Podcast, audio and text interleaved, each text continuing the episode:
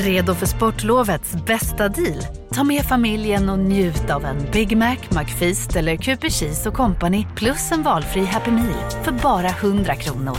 Happy Sportlovs deal, bara på McDonalds.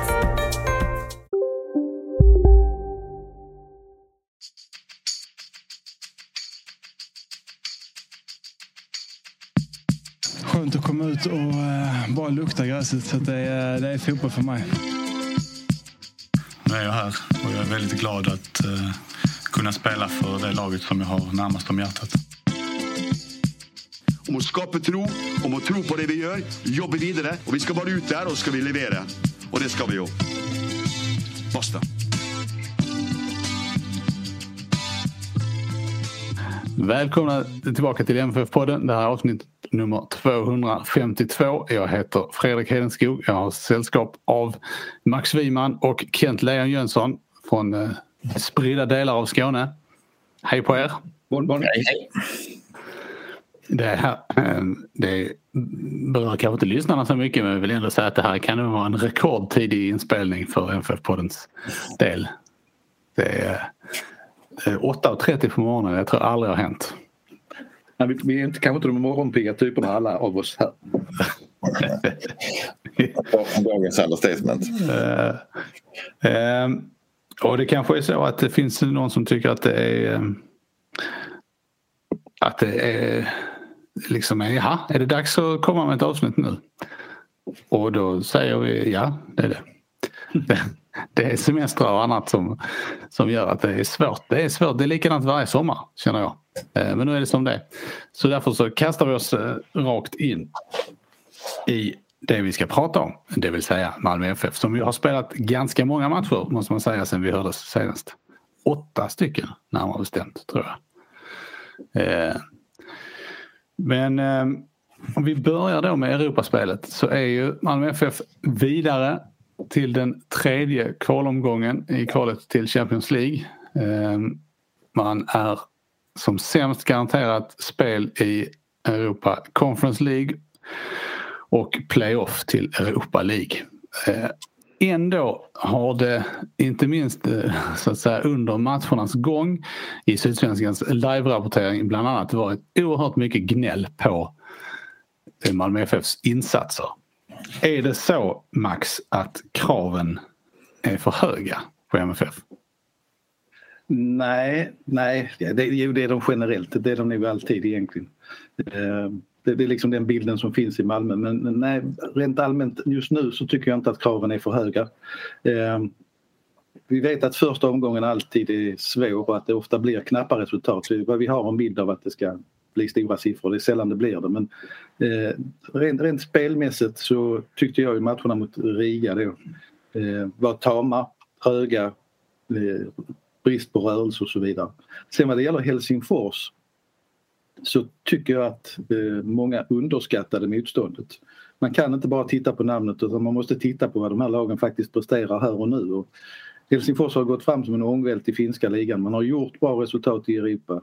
Eh, så det var, det, var, inget lättspelat lag, eh, absolut inte.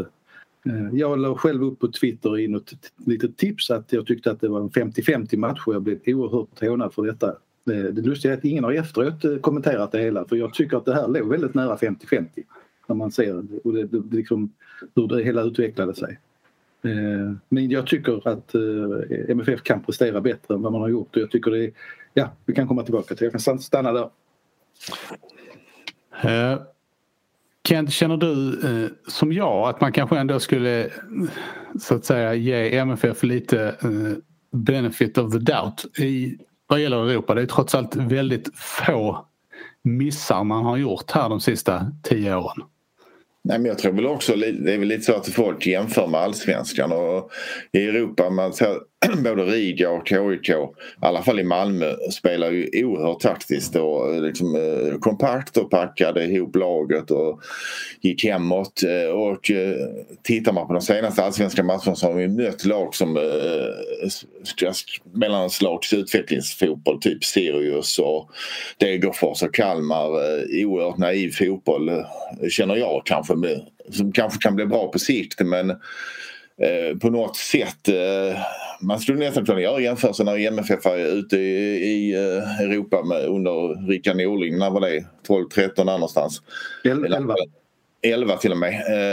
Och och då spelar de också det här klassiska. Vi tror att vi är lite bättre än vi är. Vi har en fin spelidé. Vi spelar upp på eh, markerade inom mittfältare som är felvänd. Och med bättre då behöver man ju ganska bra eh, spelare för att göra så. Och MFF är ju liksom kanske klassen bättre eh, än just Sirius och Kalmar och den här typen av lag. Och sen möter de Riga, ja, kanske inget märkvärdigt lag, mittenlag i allsvenskan, HIK kanske eh, ja, topp fem säkert i, i allsvenskan eh, men spelar en väldigt svag liga. Men spelar väldigt taktiskt, både Riga och HIK. Och drar ner på tempot och krymper ytorna och allt det där. Och då blir det svårare, tror jag.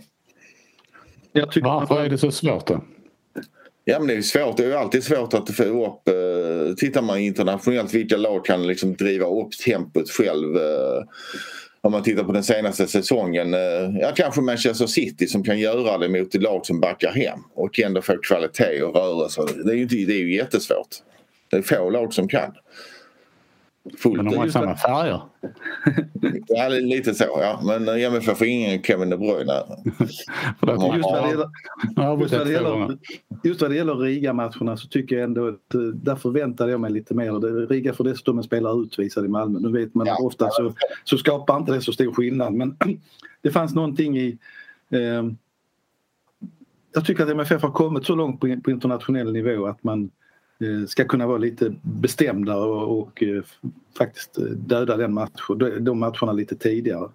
Mm. Sen som sagt Helsingfors blir en annan typ av match och det är, vi har bilderna av de riktigt stora insatserna av MFF eh, mot riktigt bra lag och med helt andra matchbilder. Eh, och det, det, det, det, är betydligt svårare men både, vad ska man säga, rent taktiskt kanske men också att vissa spelare inte presterar på den nivå man förväntar sig i de här Europamatcherna. Ja. Kan ju vara ett bekymmer. Det känns inte riktigt som att eh, allting sitter exakt för fortsättningen. Men nu tror jag att det blir en skill liten skillnad. Alltså Rangers i nästa omgång blir ju oändligt mycket tuffare men en helt annan typ av match. Och det faktum att MFF tack vare det nya systemet hos Uefa redan har säkrat ett gruppspel tror jag i grunden kan vara positivt att man kan kanske inte slappna av men ändå man vet att Europahösten är säkrad. Sen finns det en risk att man blir nöjd men jag tror inte att man är det redan nu. Nej, men jag menar det blir ju alltså Rangers kommer ju spela lika brutalt eh, som eh, Riga kanske gjorde och smälla på närkamper men göra det mycket högre tempo och, eh, och med en annan kvalitet naturligtvis. Ja. Och det som också då är oroande det är ju att MFF ska spela in nya kuggar. Man är i en brytning, det är nya spelare in. Mm. Eh, vi tjatar fortfarande om att Anel Ahmedhosi ska försvinna i så fall. Vi vet inte om och när. Eh, så det, det, är lite rörigt så och framförallt försvarsmässigt eh, oroar det ju mot bättre lag att, att eh, det finns inte riktigt någon backlinje som är satt. Det är mycket förändringar fram och tillbaka och mm. till och med förändringar av spelsystem. Eh, vilket inte behöver vara negativt men det känns lite oroligt där nu. Ja men just det, Anel, eh, den situationen med honom. Jag tycker ändå beundransvärt att han faktiskt blivit mer fokuserad under säsongen känns det som. Han, är, han har inte varit dålig på något sätt men han känns faktiskt bättre nu än han kändes när säsongen startade. Eh, och det tycker jag är rätt starkt gjort av honom. Sen tycker jag det är det måste vara en jobbig situation för alla inblandade. Från, från fans till eh, Anel själv och inte veta exakt vad som händer. Han, kanske, han vet ju naturligtvis mycket mer än vad vi vet men och det är ju ändå rätt svårt, man eh, tappar lite tempo i tid just som du är inne på Max där att man inte kan spela ihop något om man inte vet när han försvinner och när han blir kvar. Det jag tror var oerhört viktigt var att han var kvar över de här första kvalmatcherna. Jo det var det, det var framförallt, framförallt Riga-matcherna innan Moisander var klar för att det, det är ju bräckligt där bak. Och, och sen eh, överraskar ju givet eh, hela tiden. Jag har alltid tyckt att Lasse Nilsson är mycket bättre internationellt relativt sett än i allsvenskan där han får lov att uh, spela mer i gråzonen så att säga. Och, uh, menar, trots att det är det ju så att det som blir gult kort i allsvenskan knappt blir frispark ibland i internationella matcher. Men så, så spelar han Frans Brorsson istället nu senast. Ja, tydligen, var det, tydligen var det så att det var en skadekänning på Nilsson som gjorde att han, han skulle nog spela. Ja, för det, alla signaler tyder på det eftersom man var med presskonferens innan och allt Ja. sånt här. Men Jag tror det var en Så- sen ändring. Men ja, de överlevde i alla fall. Eh, När man tittar på de här eh, eh, matcherna mot Riga och Helsingfors och man, och man vänder lite på det. Vad utöver att MFF har gått vidare har varit positivt för laget i de här matcherna? Max? Ja, nej, men det, är, ju- det är ju rätt lätt att peka på ett antal saker tycker jag. Om man, om man går eh, nerifrån och uppåt så att säga så ja, det blir en annan trygghet med Johan Dahlin i målet eh, även om man har släppt in några mål. Eh, Niklas Moisander ser ut att kunna bli en klar förstärkning i backlinjen i även om han har spelat kanske lite konstiga positioner i de här lägena. Eh, Oskar Lewicki, för varje match han spelar kommer han bli viktigare och viktigare och jag hoppas bara han håller nu. Otroligt viktig i sin position. Eh, och sen kommer ju naturligtvis de två riktiga nycklarna. Eh, Antonio Colak har ju gjort mål hela tiden men han, han, hans, hans förmåga att rätt konstant göra mål nu är ju ovärderlig för laget. Och sen är det väl kanske då senaste veckornas komet eh, eh Beko Bir, Birmans- Birmancevic om vi ska, jag tror det är rätt uttalet, eh, som ju har vuxit in i MFF-kostymen på ett sätt som är väldigt, väldigt imponerande. Med fina mål, eh, bra framspelningar, man börjar se den här farten i honom. Eh, så att där tror jag där har ju hänt väldigt, väldigt mycket och det blir väldigt spännande att följa eh, fortsättningen. Kent, jag är lite nyfiken på vad du har att säga om situationen på inomhittfältet. För där känns det som att genom rotation visserligen och eh, att man har fördelat folk mellan, mellan allsvenskan och Europaspelet så känns det ändå som att det har varit väldigt många olika eh, besättningar på det centrala mittfältet. Ja, och lite olika formationer också. Med Ja. Vad, hur, då har du för, vad har du för liksom, övergripande Nej, jag, eh, jag tror det känns absolut tryggast med eh, om man kan ha en, en tvåa framför backlinjen oavsett hur många man har i backlinjen så att säga. Om man har tre eller fyra. Att man har typ Bonke och eh, Oskar Lewicki där. Eh, det tycker jag, även i allsvenskan ser det mycket bättre ut när de får agera städgubbar på mittfältet. Samla upp lösa bollar och skydda backlinjen. Och sen tycker jag också, jag håller med om Max eh, lista från A till Ö så att säga. Men jag, tycker, jag tror också att det, jag tror det här internationellt om man ska eh, då såra Rangers så behöver man en lite sån där joker som eh, Birmancevic. Och eh, då tror jag också, men jag tror att han är lite för svag. Man får nog hit, försöka hitta en roll där han har en mer offensiv roll och mindre defensivt ansvar om ni förstår mig.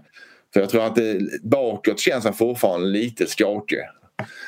Även i allsvenskan. Man vet inte riktigt vad som ska hända. Där känns ju Sören Rex pålitligare även om inte eh, Sören kanske har eh, eh Birmancevic spets och speed och påhittighet.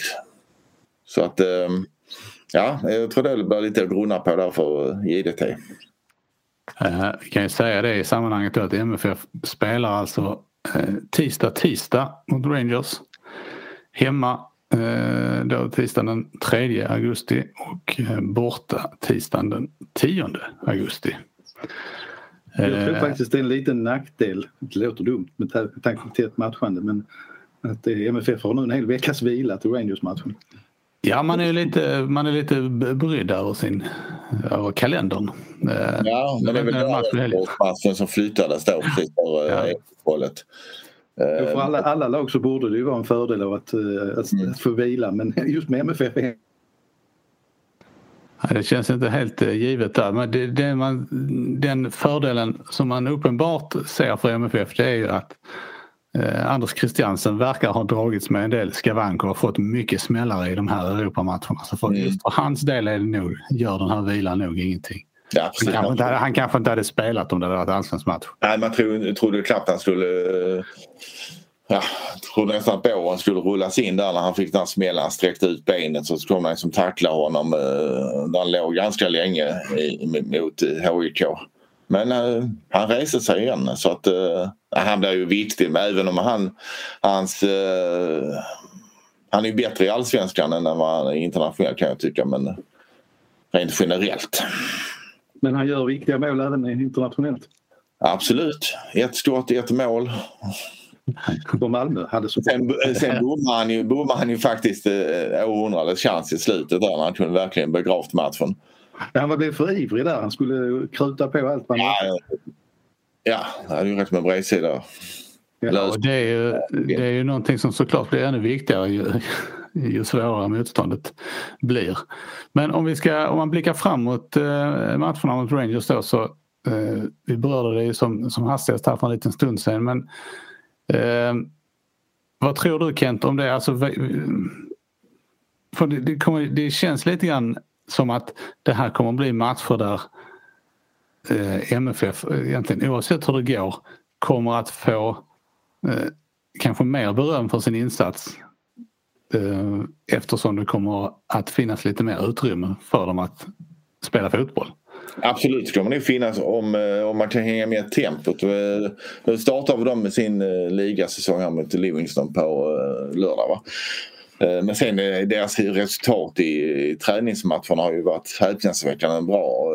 Alltså vinst mot Real Madrid. Okej, okay, man kan säga B-betonat lag men tittar man på Eh, Real Madrids uppställning i, den matchen eh, så är det ändå ja, jag skulle säga utan att överdriva, tre, fyra spelare som har gått in i svenska eh, e EM-startelvan. Det är Ödegaard och Marcel och Serben Jovic på topp och Isco. Den typen av spelare. Och sen har kryssat mot Brighton, kryssat mot Arsenal. Det är inte så ofta skottar liksom kan hävda sig mot Premier League-lag även i träningsmatcher.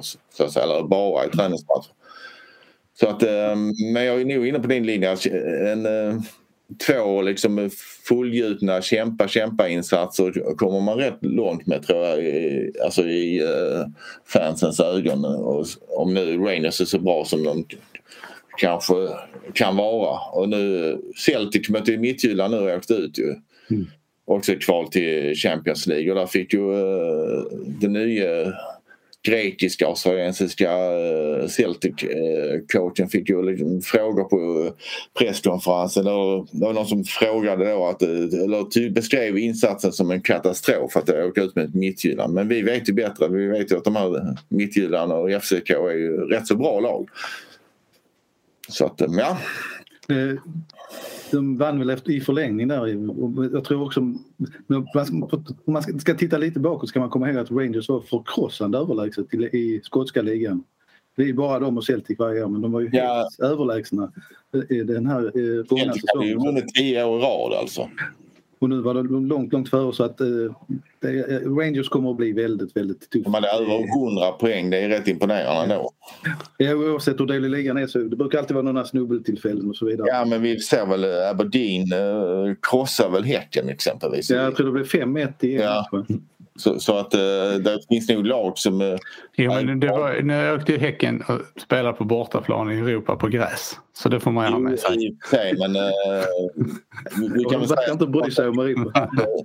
Ändå fyra, fem lag bakom Celtic och Rangers som hade i alla fall varit mittenlag i Allsvenskan. Ja. Så mycket kan vi säga. Ja. Men du, Max, vad, vad betyder historien här? För att det, det, måste ju ändå vara så att Malmö FF är någon sorts, eh, framkallar någon sorts obehag hos eh, eh supportrar till lag i Glasgow. Hela Skottland skulle jag vilja säga. Slog Edinburgh så det visslar också. Eh, just det, början där. Mm. Eh, jag tror att eh, historien absolut har betydelse. Jag tror att alltså, skottarna minns vad som har hänt. Eh, både med, med Rangers och Celtic. Så att, Eh, det, det, den, den delen finns absolut kvar. Sen är det ju inga, i princip inga spelare kvar i Malmö. Ja, någon så kanske som har varit med om det här själv. Men, men eh, Berget var ju med till exempel och Dahlin var väl med. Eh, Oskar kanske också. Eh, mot Celtic. Försöker tänka bakåt här. Så att det, att det har absolut betydelse. Men jag tror det kan vara lite avgörande att Malmö till slut kan mönstra här också. Eh, vi får inte veta så mycket om skador. Jag tycker inte att Jonas Knudsen är en defensiv klippa men det är ju olyckligt att han är skadad och att man får laborera om man nu ska spela med en fyrbackslinje. Eh, eh om, mm.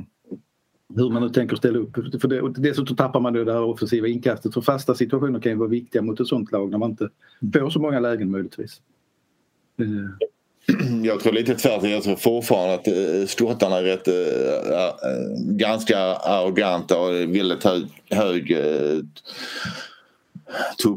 så att säga. Att, äh, hög svansföring och de är, jag tror att de är jag tror en klubb som Rangers och även Celtic de ser som, som nästan som storklubbar i Europa och tycker Malmö är rätt liten klubb i jämförelse. Och spelarbudgetmässigt och sånt så är det ju säkert en enorm skillnad. Um, men det är ju inte som Rangers. Jag menar Rangers på 90-talet eh, när de hade... De har ju ett tag mittfält med Jonas Tern, Brian Laudrup och Paul Gaston. Det är inte, de är inte riktigt på den nivån när det gäller att handla spelare i alla fall. Nej, de, fick, de kanske kommer dit igen. De fick ju, eh, de fick ju börja om långt mer efter konkursen. Så att de ja, precis. jobbat sig upp. Det var nio år sedan, 2012 tror jag det var. Ja, det var ju efter mötet med MFF. Det var ju där ja. Ja. började. Ja, det, det pekar på, och läser man lite liksom, kommentarer och sånt just om det mötet så pekar de på att de var liksom en uh, spiral som bara ledde neråt. Just det har aldrig varit sämre men MFF gjorde det ju väldigt bra då i alla fall. Sen ska man komma ihåg att Filip Helander finns i Rangers numera. Och det är klart att eh, Alltså i alla lag så pratar man och det är klart att Helander kan förmedla ganska mycket runt omkring hur MFF fungerar, hur man har fungerat i Europa och alltså skicka lite varningsklockor så att de inte underskattar. Det, det tror jag han kommer att kunna göra. Vad är det förresten sagt om publik eh, i hemmamatchen? Jag frågar dig Max. Jag har faktiskt inte hört något. Jag har inte riktigt sett nu. MFF har ju haft lite svårt till och med att fylla ut vid vissa tillfällen med restriktioner. Det hade de ju säkert inte haft med, med Rangers men eh, det är väl ingen förändring där utan det är väl kanske en 5-6 tusen. Det, det är ju, Uefa-reglerna är lite hårdare eftersom det är mer avspärrningar och så vidare. Mm. Men som också är lite, det, det är ju däremot inga bortafans. Det är ju sagt så i alla kvalmatcher. Mm. Eh, nej men jag tror också, jag tror faktiskt någon artikel som jag läste i Sports Media där, där det är lite uppsnappat från presskonferensen nu senast. Eh, där Jondal uttalar sig om att det var fixerat till, till de här 5000 mm. någonstans. Sen vet jag inte hur det är på, i bortamatchen. På Ibrox ja, de, kan, de kan förmodligen ta in mer folk där som det ser De är mycket större arena naturligtvis. Ja, och de, England, jag menar, ni såg hur det såg ut på Wembley under EM så man kan ju undra. Här i Skottland, Mats.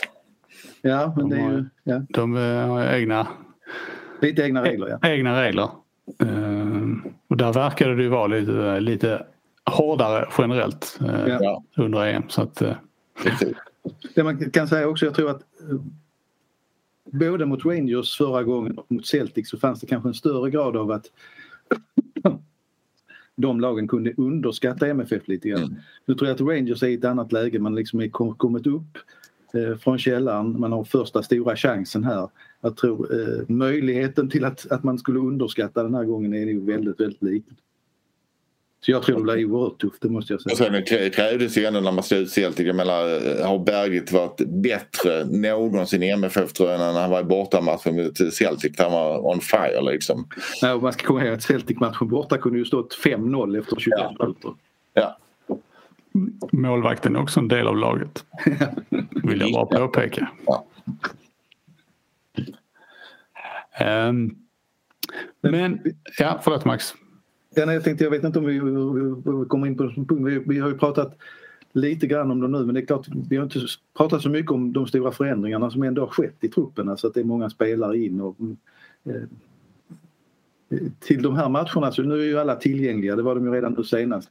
Men det är ju inte säkert att alla blir, får så mycket speltid nu. Det känns ju som att det är Moisander som är den som kliver in i laget så att säga. Mm. Abubakari och Gvargis verkar ju längre ifrån om jag säger så. Men det, är, känns inte de lite som värvningar som är tänkta på sikt men det är ändå Abubakar tycker jag har man så få riktiga anfallare i laget så måste man ha en bakom med Colak som är färdig så att säga. Och det, jag vet inte om Abubakar är det.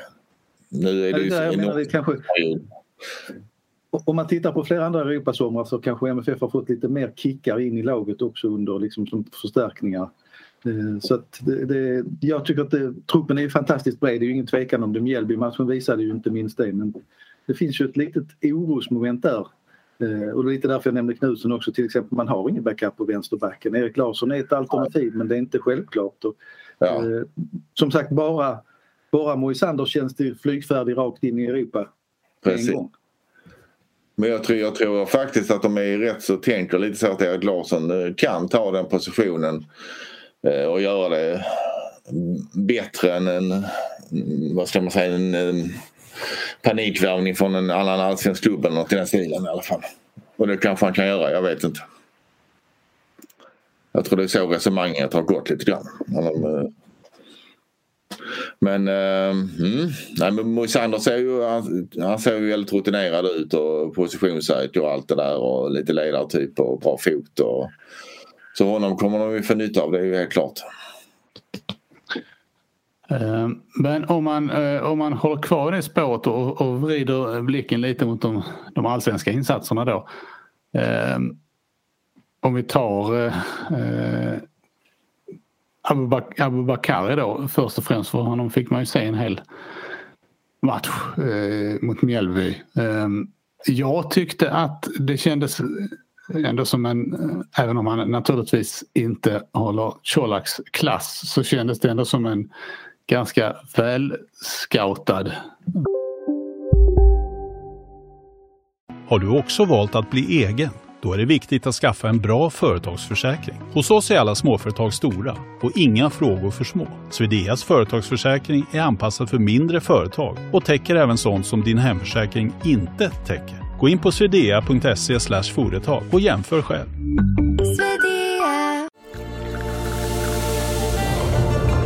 Välkommen till Maccafé på utvalda McDonalds restauranger med Baristakaffe till rimligt pris. Vad sägs om en latte eller cappuccino för bara 35 kronor? Alltid gjorda av våra utbildade baristor.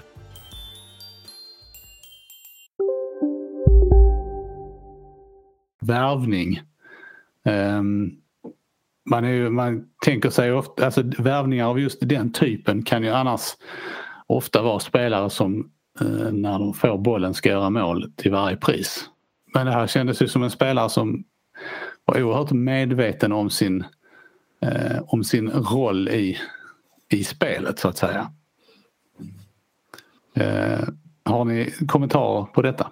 Ja, men jag kan hålla med. Jag tycker också han kändes som att han försökte eh, vara en integrerad del av laget så att säga och tänkte kollektivt. Eh, sen fick han kanske inte riktigt, han brände väl en eller två stora chanser. Uh, han såg väldigt fysiskt stark ut och hyfsat snabb. Sen kan man alltid vända och vrida på det. Hade MFF fått ut lika mycket och behålla Amin Sarr och spela honom som uh, i, i, den rollen så att säga. Men å andra sidan så kanske Amin Sarr behöver spela hela tiden. Det är väl så de tänker. Och Colak är ju så given så att uh, Amin Sarrs riktiga position är kanske som spetsen då. Som man ser Mjällby som en av två. Jag var lite bekymrad när jag såg Abu Bakaris i början. Jag tyckte han tappade mycket boll och eh, fick liksom inte ordning på fötter och så. Eh, men jag tyckte att han växte in i och blev bättre och bättre och att det fanns mycket positiva eh, tendenser i andra halvlek på, den matchen. Att, att, så det, det, det, han, han, kan säkert göra inhopp och han kan kan, växa, kan säkert växa som spelare när det är, en bit kvar men det, det, finns potential där, det gör det absolut. Mm. Eh, där är jag mer oroad för den här eh, det, Peter Kvargis som jag har sett, inte så mycket av naturligtvis, men eh, där känns det som det är en väldigt lång väg att vandra innan Mm. Han, men där finns, man känner ändå eftersom eh, de har ett överskott av, av mittfältare så känns det ändå som Abubakar. Det är viktigt att han kan fungera någorlunda i alla fall i en eh, avlastningsroll nästan direkt. Och det kan ja. göra. Men det är klart att alla sådana värvningar är extremt svårbedömda. Sen nu hoppar jag lite grann här. Ni pratade, eller Kent pratade innan om två sittande mittfältare och jag håller i grunden med men eh, jag ser fortfarande en oro runt Bonke Innocent och hans eh, eh, tendens att dra på sig varningar och så vidare. Visst det tillåts hårdare spel i Europa men domarna är ofta snabba med korten också. Mm. Där jag tror man får vara taktisk där för de är ju rätt snabba med det första kortet bara för att sätta tonen på matchen. Alltså ja. man ska ju hålla sig lugn första 10-15 och sen rullar det oftast på. För där vill de ju varna någon spelare bara för att visa att det är de som bestämmer på något sätt. Nej, för apropå det här med MFF och många alternativ så visst man har ju det. Man har ju Pavle Vagic också som kan, kan spela den defensiva rollen men han har ju liksom fasats ut lite mer känns det som. Så fort det, mm, men det var väl den här Norrköpingsmatchen han inte var så lyckad va? Ja. Så att det är ju, där är ju en, en, en liten osäkerhet. Det var en bit på från nyförvärven förlåt. Men... Ja men det är helt okej. Men vi, om man stannar kvar där, alltså de, de här eh, MFF har ju då efter, efter förlusten i Norrköping som ju kändes eh, lite halvt onödig om man säger. Um, och eh, ännu ett bevis på att eh, Malmö FFs eh, kollektiva försvarsspel inte fungerar på konstgräs. Ehm, så har man ju sen då spelat tre matcher och har 11-0 i målskillnad. Alla tre då i och för sig mot lag på den nedre halvan. Men är det någon, har det varit någon skillnad här i de här insatserna i allsvenskan jämfört med de i Europa? Är det bara motståndet som har varit mycket sämre eller finns det annat? Kent, du pratade i början om att ja, jag tycker motstånd med, med ambition att spela fotboll. Exakt, jag tror det handlar mycket om det att de, de, MFF har fått de matcherna precis i fått matchbilden dit de har velat och har varit väldigt aggressiva i sin press eh, och, och, allt det här. Och, och det har ju också varit på naturgräs. Förlåt Max, gräs. Eh, eh, så att jag tror att eh, de har gynnats av det. Och de har känt oerhört självsäkra i allting de har gjort just i de här matcherna. Känns som de vet att de har varit eh, nummer bättre. Och också det att det, jag tror att den här interna konkurrensen gör att man kan hålla många spelare liksom på tårna. För det är ju inte så många spelare som är helt givna i laget förutom Colak eh, och AC. Just ordet självsäkra som du säger Kent, tror jag är ett nyckelord. För det är precis det jag satt och tänkte på. att Man har haft ett väldigt stort självförtroende in i de allsvenska matcherna till skillnad då kanske från Riga-matchen. Det är inte så konstigt eftersom det är Europaspel är annorlunda och det är utslagning och så vidare. Men, men det, har, det har funnits en väldigt stark tro eh, och man såg det även mot Mjällby. Jag har aldrig sett MFF dominera mot Mjällby så som man gjorde faktiskt från start eh, i, det, i den matchen. Nej, inte där uppe i alla fall. Nej, nej det, det är väldigt, väldigt stark känsla för att man, man vet att man är bäst. Och sen den här truppbredden, eh, Thomasson pratade ju mycket om den just efter den matchen. Mm. Ni har kanske sett bilderna på Birmancevic som springer ut till Sören Rex och kramar om honom när han gör mål. Alltså det, känns, det, känns, det finns någon sorts balans i, vilket är väldigt svårt att hitta, men att där spelarna har hittat eh, en förståelse för att hur man roterar och varför. Mm. Och att, att man accepterar det. För Sören Rex är ju en spelare, han är ju väldigt snäll och timid men han har ju varit van att spela alltid, hela tiden. Men att mm. på något sätt så hittar man en rytm nu där det funkar med, med att rotera och det, det tror jag kan vara viktigt. Jag tror Sören Rex har tagit på sig lite, han har ju själv sagt i någon intervju att han har tagit på sig lite som roll när det gäller Birmancevic att han eh, är lite sådär ledstjärna och försöker hjälpa honom mycket och det tycker jag är rätt stort. Jag tror man måste ha det i framgångsrika klubbar att eh, den nya generationen som kommer in, även om de kommer utifrån, att de måste ha hjälp av de här äldre spelarna att slussa in dem. Och, och JDP har ju sagt det här med Team Spirit nu 5000 gånger. Och han, det är ju det jag tror han, han har varit pedagogiskt skicklig på det att eh, som du är inne på Max, att just sprida det budskapet att vi har bred trupp, alla får spela, vänta på en chans att ta den. Ja, så lyckas, man, lyckas han med det så, så, har han ju kommit oerhört långt. Längre än, än många andra tränare som har varit i Malmö FF. Um, ehm, man kan ju känna lite att det var kanske det som, som till exempel var som som, där Ove Rösslers MFF stupade lite grann. Eh, där var det ju lite så, var du inte i hans inre cirkel på 14 man så var det liksom kört. Nej. Ja, han var ju old school på många sätt men det var väl ett av exemplen. Och där, men just det här också då att, att MFF redan är klara för åtminstone eh, i ECL eh, tror jag då gynnar också, för nu vet alla spelare att det kommer att vara sex matcher, eller totalt tio då med fyra kvalmatcher till, men totalt sex gruppspelsmatcher under hösten. Det kommer att bli många matcher, många mm. kommer att få chansen. Och jag tror det är jättebra att veta det redan nu och inte i sista playoff-matchen till någon, som det har varit de andra åren. Mm. Och så rimligt är väl alltså målsättningen nu borde väl i alla fall att ta sig in till Europa League. Eh, kommer man in där så är ju mycket vunnet tror jag. Man ska ju säga det är inte varje år det har varit in, in till playoff att MFF har ju vetat något år att man var klara för Europa League. Så att, mm. Men man blev ju klara ett steg tidigare nu så att säga för gruppspel. Det tror mm. jag kan vara, gynna jättemycket. Och det är ju som sagt en väldigt lukrativ liga med mycket, mycket pengar in även denna. Så att det kommer ju förmodligen balansera MFFs bokslut mer eller mindre. Mm. Och sen har vi den här försäljningen som vi inte vet. Eh, vi vet att den eh, blir av men vi vet inte när och hur. Och, med Anel. Nej, jag är lite förvånad att den drar ut så mycket på tiden men det, det finns väl något ja. skäl till detta. Ja, det blir en märklig situation för att han får, eh, han får samma fråga vecka efter vecka och ger samma svar. Ja. Att, det, det känns ja. lite konstigt. Men nej precis, och, och, men det handlar, handlar, tror inte det handlar väldigt mycket om att MFF är rätt sådär. De har satt en, eh, fixerat en summa och eh, släpper inte den direkt heller. Utan de eh, sitter lugnt i båten och vill ha sina, vad det nu kan vara, 8-10 miljoner euro någonstans. Jo, men samtidigt känns det märkligt om det nu är så att, att de har under hela den här perioden, ända sedan i vintras, eh, liksom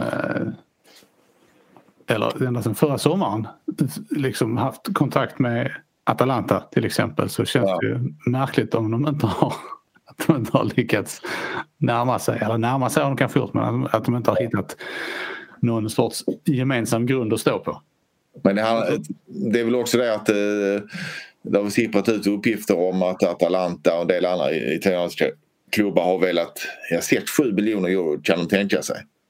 Och, och är det inte så också med italienska klubbar, det brukar vara så att de betalar rätt så lite liksom, eh, cash up front så att säga. Utan de vill ha olika, så är det kanske alltid men olika terminer för betalningar. Det ska vara grejer som ska falla ut och sånt. Och MFF vill ha, säkert ha mest av cashen direkt. Men där har, eh, nu kan jag inte säga något specifikt för Italien men jag vet att jag har pratat med Niklas Carlnén och, om det här eh, och även Anders Paulsson tidigare att, att det har vridits mer och mer till att eh, man accepterar bara betalning med en gång, alltså att det har mm. varit för mycket sådana här konstiga mm. konstruktioner som snäs in. Jag tror att, jag, jag vet ju Markus Rosenberg har ju rävar bakom båda öronen, det vet vi. Jag tror säkert att han har en plan och det kan vara så att han, han också är involverad i det här. Eller han är naturligtvis involverad men har på något sätt en styrning som vi inte riktigt vet Nej. Man har ett riskmoment i detta också. Man har, eh, Anel spelar ju vad ska man säga, högexplosiva matcher. Det smäller. Nu senast fick han väl åtminstone två rejäla smällar och låg ner mot HIK. Ja, och det, det, kan ju hända saker. Det är ju, en skada vore ju förödande i det här läget, det vet vi ju. Ja visst, det är, ju, det är inte bara en part utan det är två parter i detta naturligtvis. Var, vi, var, jag vet att du har sagt detta innan Max men du får säga det igen. Var går gränsen eh, vad gäller spelares medverkan i Europa? Nu är det så att uh, han kan spela hela kvalet och spela för annan klubb i gruppspel. Ja, men i kvalet ingår det även playoff i kvalet? Ja, jag tror För de har ju någon sorts konstig mellanstatus annars. Ja, jag, jag, är rätt, jag är inte, inte hundra men jag är rätt så säker på att han eh, kan spela hela vägen fram.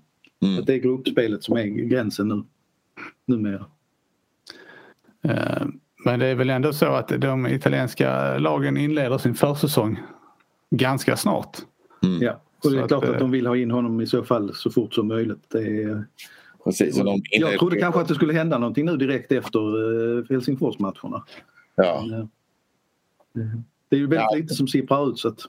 Precis, men vi, var, vi skriver torsdag idag va? Man har... Säg så här, har någonting hänt till imorgon så tror jag inte det händer något den här veckan. Men eh, man vet ju aldrig. Och sen har de match på tisdag så det är ju snabba ryck och det är ju oerhört eh, intensivt program för alla. Sen när vi är inne på de här diskussionerna runt eh, hur MFF tänker och resonerar eh, med ekonomiskt med övergång och så vidare så tycker jag att det har skett en, eller håller på att ske en väldigt spännande stor förändring i MFF som har gått lite grann under radarn. Och det är ju det faktum att eh, Andreas Georgsson kommer tillbaka som sportchef i Malmö FF och Daniel Andersson blir sportdirektör. Just det, det är också en sak som har hänt. Sak som hänt. Kan du någon reda ut de begreppen för mig? vad ska Daniel Andersson göra? Vad ska, eller så här, vad ska Daniel Andersson eh, inte göra som han gör nu? Nej, man kan säga egentligen rent så, så var det väl det, det är så här att eh, Georgsson blev bara sportchef här. Eh, Daniel Andersson är, faktiskt, är ju också ansvarig för damerna så han får det övergripande ansvaret. Men Mm. jag tror lite grann så här att det är ett eh, eh, Daniel Anderssons position förstärks ju på sikt på något sätt med det här. Därför att sportchefer kommer och går men en sportdirektör tror jag kan sitta kvar i väldigt många år. Mm. Eh, och därför tror jag att det, man har ju också pratat om att, och jag har pratat med Daniel om det tidigare, att alltså vissa perioder har det ju varit sjukt hög arbetsbelastning på honom. Eh, Mm. Det har ju behövts sen och då tror jag att den här konstruktionen blir bättre för Daniel Anderssons framtid att, än om du hade haft Georgsson som assisterande sportchef och Daniel fortfarande hade varit sportchef. Det kan låta som det var i titlar men, För, men mig, tror- för, mig, förlåt, för mig låter det som att eh, den här sportdirektörstjänsten är någonstans mittemellan sportchef och Mm. VD. Ja men tror ni inte också det här nu, vet jag inte hur de gör men eh, den här mångåriga skaten som jag har glömt namnet på, Vito heter han det va? Vito Stavljani. Ja, eh, han har väl dessutom ska väl eh, sluta så att jag menar Georgsson kanske blir någon slags chefscout slash sportchef mer. Eh, han har ju redan sett på eh, lite arenor och sånt. Eh, Landskrona Borg spelar hemma, då sitter han där och kollar in vad heter han deras fenomen, Kevin Jensen förmodligen. Eh, så att han har ju väl redan smygbörjat sitt jobb så att säga. Han ska väl gå bredvid under hösten om jag har förstått det hela rätt. Men så är det Ja, man, vet ju inte heller, man vet ju inte hur, hur, ehm, hur Andreas Ge- Georgssons eh, privata situation ser ut. Eller jag vet inte det men det måste ju ändå, MFF måste ju ändå ha lockat med någonting väldigt attraktivt för att, eh, För att för att få honom att flytta från Arsenal. ja. Det måste naturligtvis vara.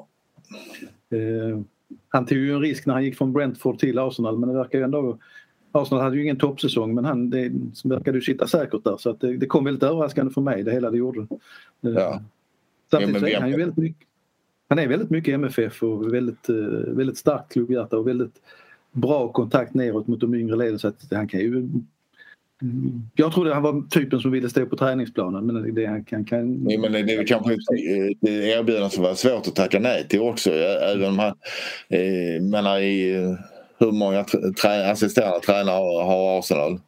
Kan de Nej, det är ha många. sju, åtta stycken i alla fall.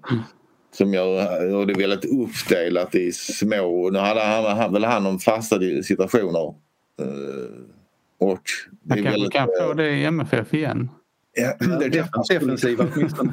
Ja, det hade nog varit bra. Men det, men det handlar ju också, eh, som ni har varit inne på tidigare, det handlar väl om att kunna sätta kanske någon slags backlinje och det blir ju svårt när det här är osäkert kring Ahmedhodzic och kanske kunna spela ihop något där.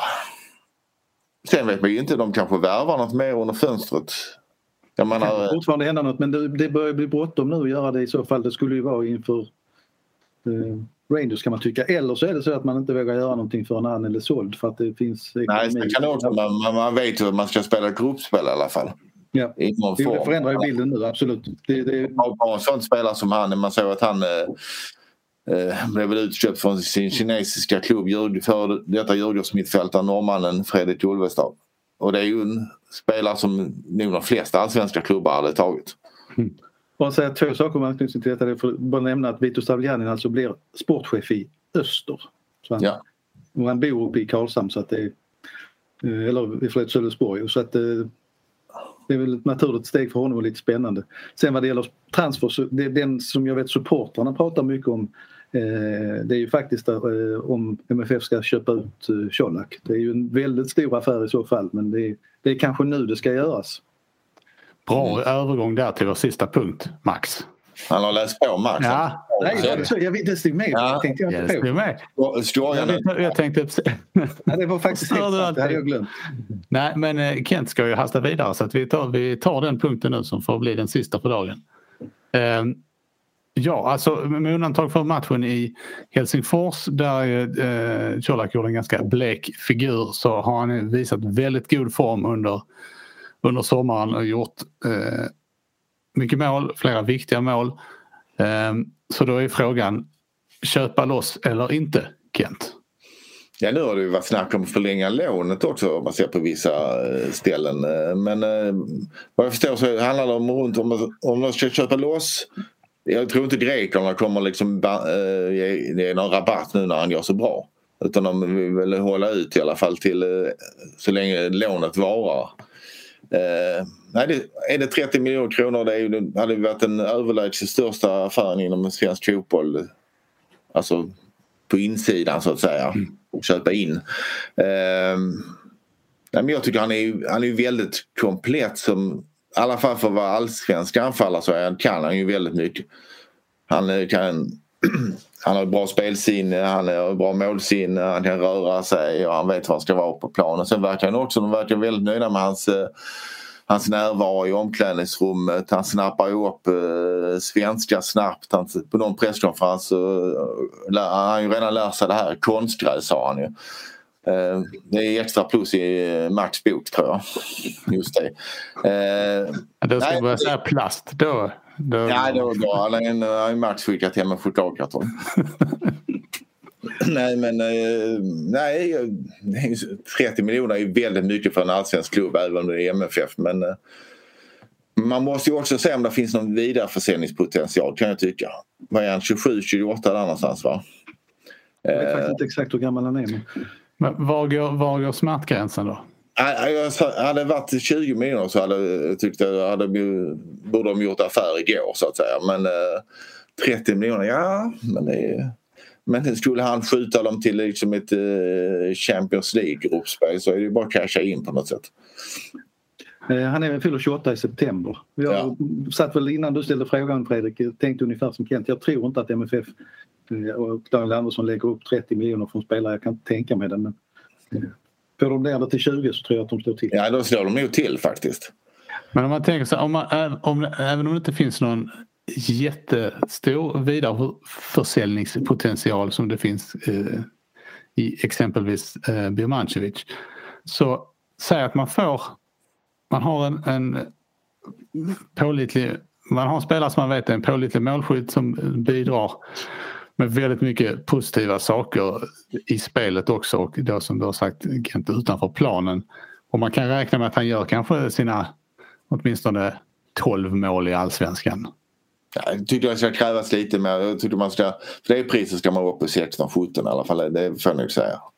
Om man spelar säg, 28 matcher. Eller vad ja. säger man? Man får, räkna, ja. man får ju räkna på olika sätt. Pandemiåret fortsätter ju så att säga. Så det innebär ju att publikintäkter och sånt eh, fortfarande är... MFF kommer att göra eh, förluster runt detta. Man vet inte var försäljningen kring Arne landar. Eh, så att, men, men det man ska komma ihåg det är ju att i och med den säkrade ECL-platsen så är det 30 miljoner i startbidrag om man säger så, bara för att de är med. Det är ytterligare en, minst 5 miljoner för att de sådana här andelar, MFF kommer förmodligen få ännu fler därför att de, det, det utgår från hur högt rankad man är och de kommer vara ganska högt rankade om de hamnar i ECL.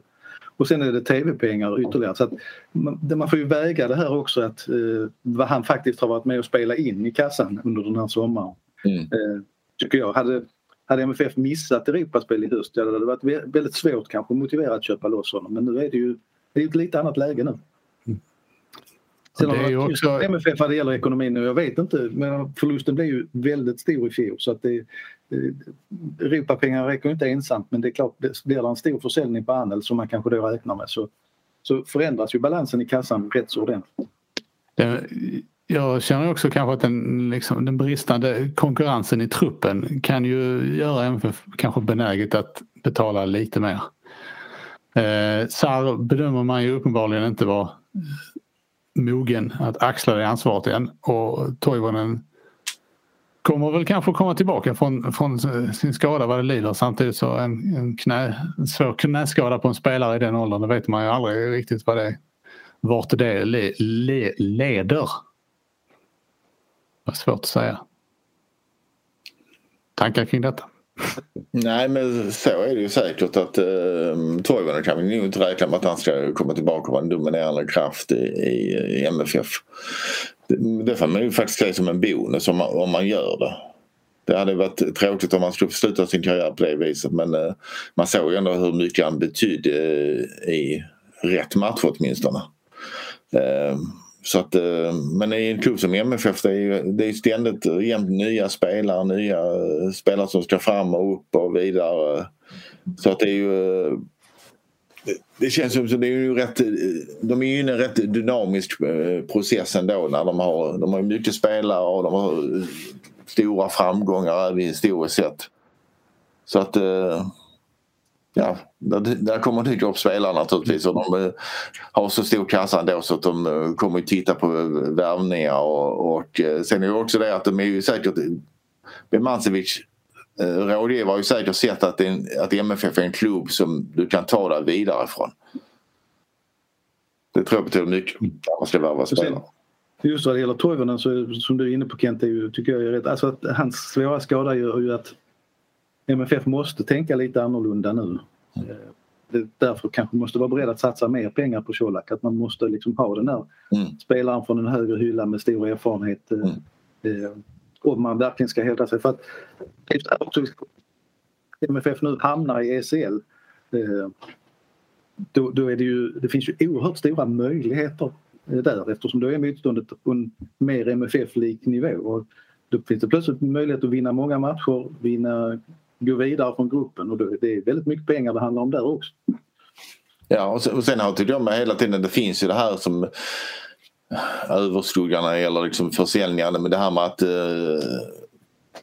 Anders Christiansen har väl fått sina eh, bud genom åren och MFF har stått emot men någonstans så kommer vi ändå till den brytpunkten, kanske inte nu men kanske om ett eller två år att, att man ger honom chansen att gå till ett land där, du, eh, där ligan kanske inte är väldigt bra men där har chansen att säkra din ekonomi för två generationer framåt åtminstone.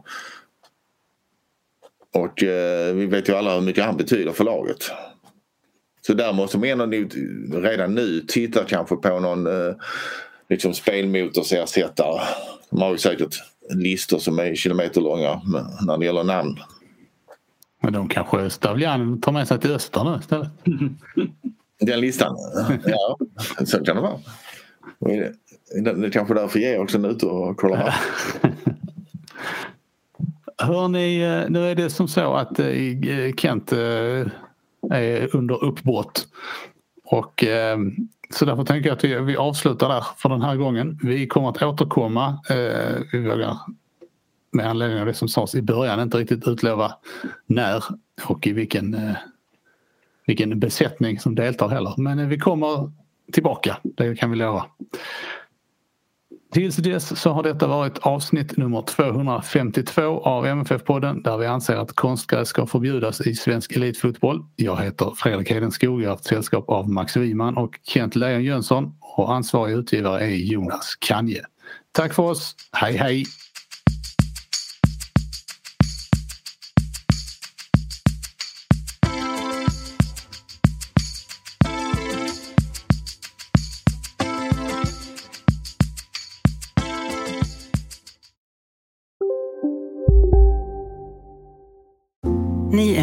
Det största. Och det största är den minsta.